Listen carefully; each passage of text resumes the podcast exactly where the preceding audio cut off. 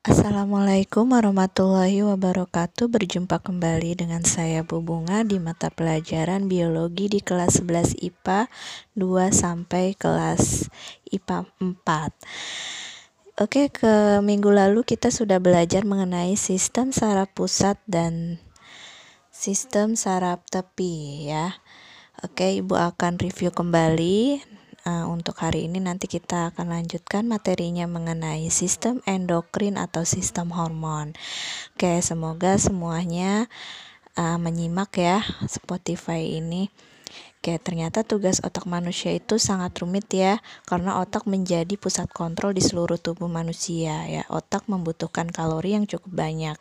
Dengan beragam tugas yang rumit itu, maka tak heran jika otak menjadi organ manusia yang paling banyak membutuhkan energi. Otak manusia menggunakan 25% kalori setiap harinya. Makanya, biar otak kamu bekerja secara maksimal, kamu harus menjaga asupan kalori dan gizi dari makanan yang kamu konsumsi ya.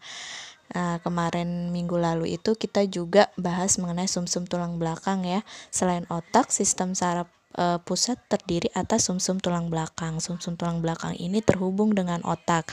Bagian pangkalnya disebut sumsum -sum lanjutan atau medula oblongata dan bagian yang memanjang dalam rongga tulang belakang disebut sebagai medula spinalis.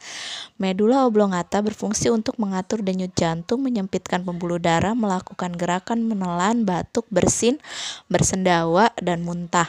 Medula oblongata juga menjadi pusat kendali pernapasan utama pada tubuh manusia sementara medula spinalis berfungsi untuk menghubungkan rangsangan dari dan menuju otak. Nah, sumsum -sum tulang belakang manusia juga berfungsi untuk mengatur gerakan refleks, alias gerakan yang terjadi tanpa disadari. Gerakan refleks ini terjadi sebagai respon tubuh manusia terhadap adanya ancaman atau hal yang berbahaya. Misalnya seperti yang dijelaskan uh, minggu lalu saat tangan kamu menyentuh mangkuk bakso yang panas, tangan kamu akan melakukan gerak refleks untuk melepaskan mangkok bakso tersebut atau saat kamu tidak sengaja menghirup bubuk merica yang kamu tabur di atas kuah bakso tanpa sadar kamu otomatis bersin kan? Nah untuk melakukan gerakan refleks tersebut tubuh manusia membutuhkan jalur penyampaian informasi yang lebih pendek. Nah medula spinalis inilah bagian saraf pusat yang cocok dengan tugas tersebut. Kayak minggu lalu juga kita bahas sistem saraf tepi. Nah itulah uh, penjelasan ya mengenai sistem saraf uh, pusat ya yang kamu ketahui. Oke, bagaimana sampai di sini sudah paham kan? Jika sudah, eh, lantas apa sih perbedaan sistem saraf pusat dengan sistem saraf tepi? Ya, berbeda dengan sistem saraf pusat, sistem saraf tepi tersusun dari semua saraf yang bercabang dari otak dan sumsum -sum tulang belakang ke seluruh bagian tubuh manusia. Fungsi sistem saraf tepi ini memungkinkan sistem saraf pusat untuk berkomunikasi dengan bagian-bagian tubuh kamu. Ya. Oke. Sistem saraf tepi ini bekerja secara dua arah melalui saraf sensorik dan saraf motorik ya uh, minggu lalu sistem saraf sensorik itu atau yang disebut dengan aferen adalah saraf yang menerima rangsangan dari lingkungan sekitar yang bertugas untuk meneruskan informasi rangsangan yang didapatkan kepada otak. Nah, informasi atau rangsangan tersebut bisa berupa visual, rasa atau aroma. Nah, inilah mengapa saraf sensorik banyak ditemukan di indera penciuman dan indera perasa seperti hidung dan lidah. Ya.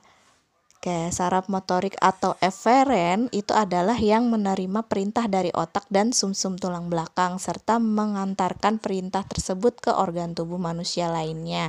Saraf motorik ini dibedakan lagi menjadi saraf somatik dan saraf otonom.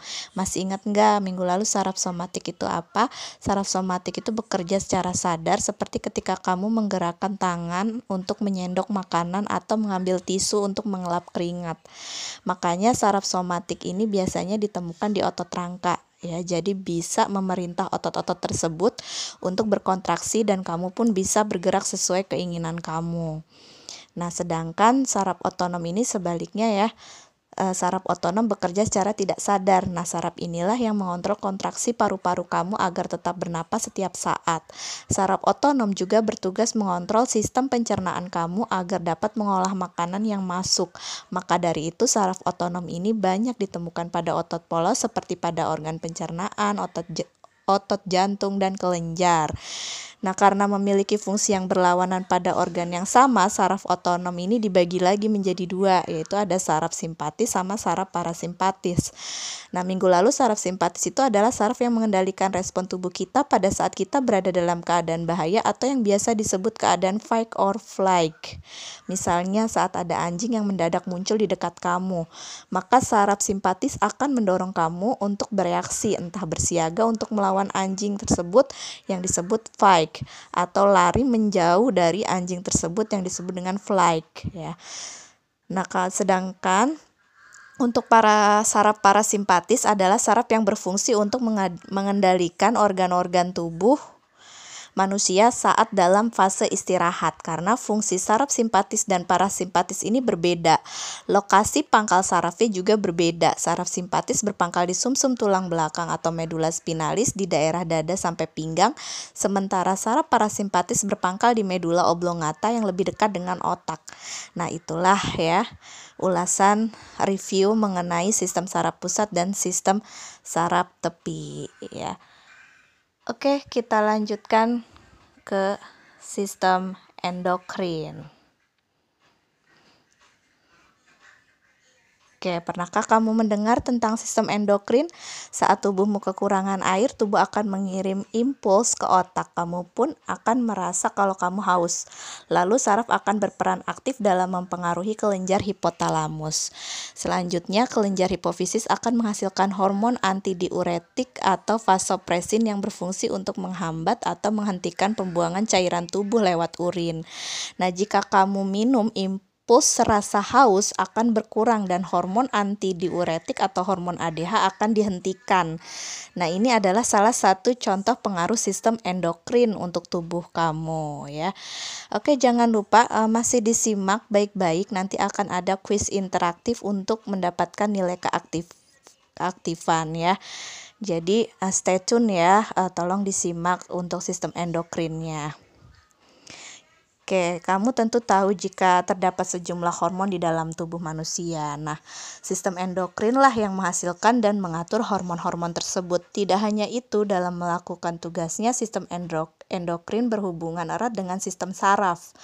Kedua sistem ini akan saling mengontrol serta memadukan satu sama lain sekaligus menjaga homeostatis dalam tubuh manusia. Nah, sistem endokrin yang bekerja dengan sistem saraf lazim disebut sebagai neuroendokrin. Kelenjar endokrin yang disebut juga sebagai kelenjar buntu karena bermuara langsung ke dalam pembuluh darah ini akan mengekskresikan senyawa protein atau senyawa steroid dalam bentuk getah yang disebut hormon.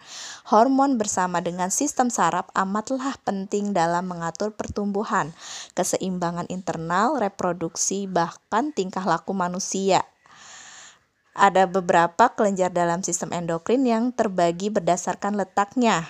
Disimak yang pertama ada kelenjar hipofisis atau pituitari Nah, ini terletak di dasar otak besar. Kelenjar satu ini adalah yang terbesar dan dapat memengaruhi aktivitas kelenjar lainnya. Kelenjar hipofisis terbagi menjadi tiga lobus dan masing-masingnya menghasilkan hormon yang berbeda-beda yaitu yang pertama ada lobus anterior, yang kedua ada lobus intermedia, dan yang ketiga ada lobus posterior, yang ke Oke, ada tiga ya.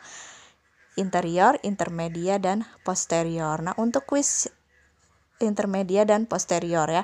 Untuk kuis pertama,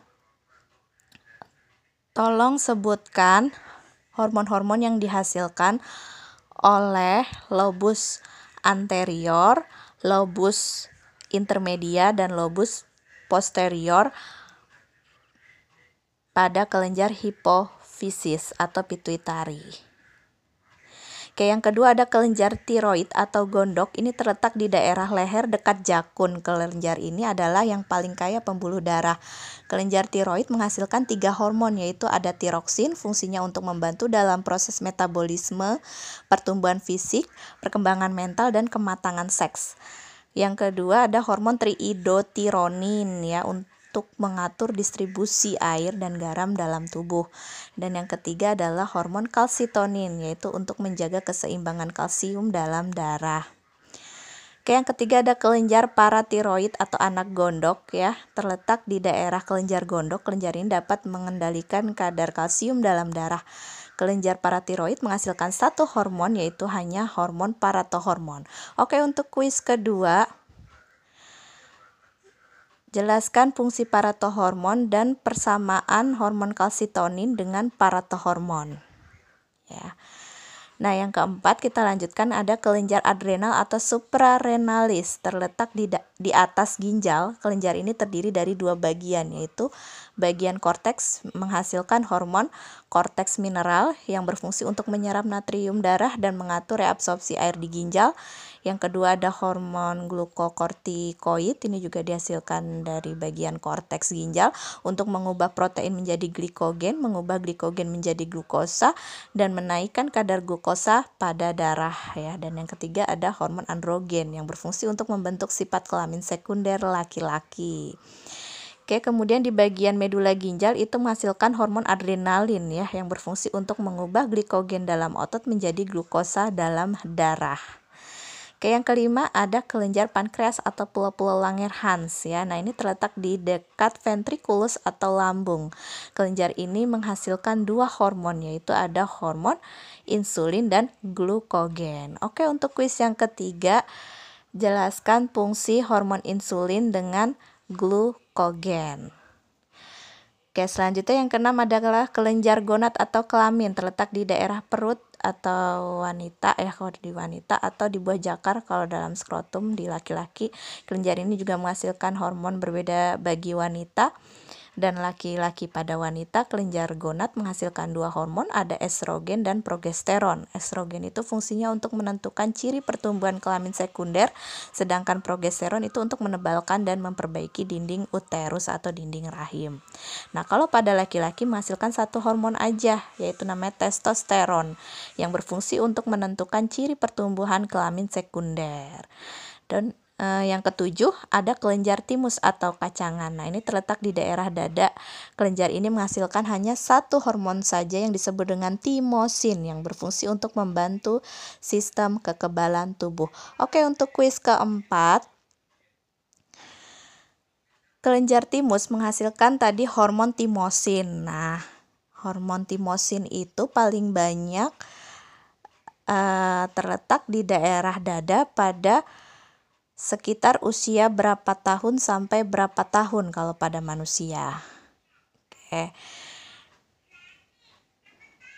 Nah, itu ya tadi ada empat uh, kuis interaktifnya yang harus kalian jawab via Telegram pada personal chat atau PC. Oke, terima kasih. Sekian dari Ibu. Nanti kita lanjutkan lagi di pertemuan berikutnya dengan penyakit-penyakit di sistem saraf dan penyakit yang dapat menyerang sistem endokrin. Wassalamualaikum warahmatullahi wabarakatuh.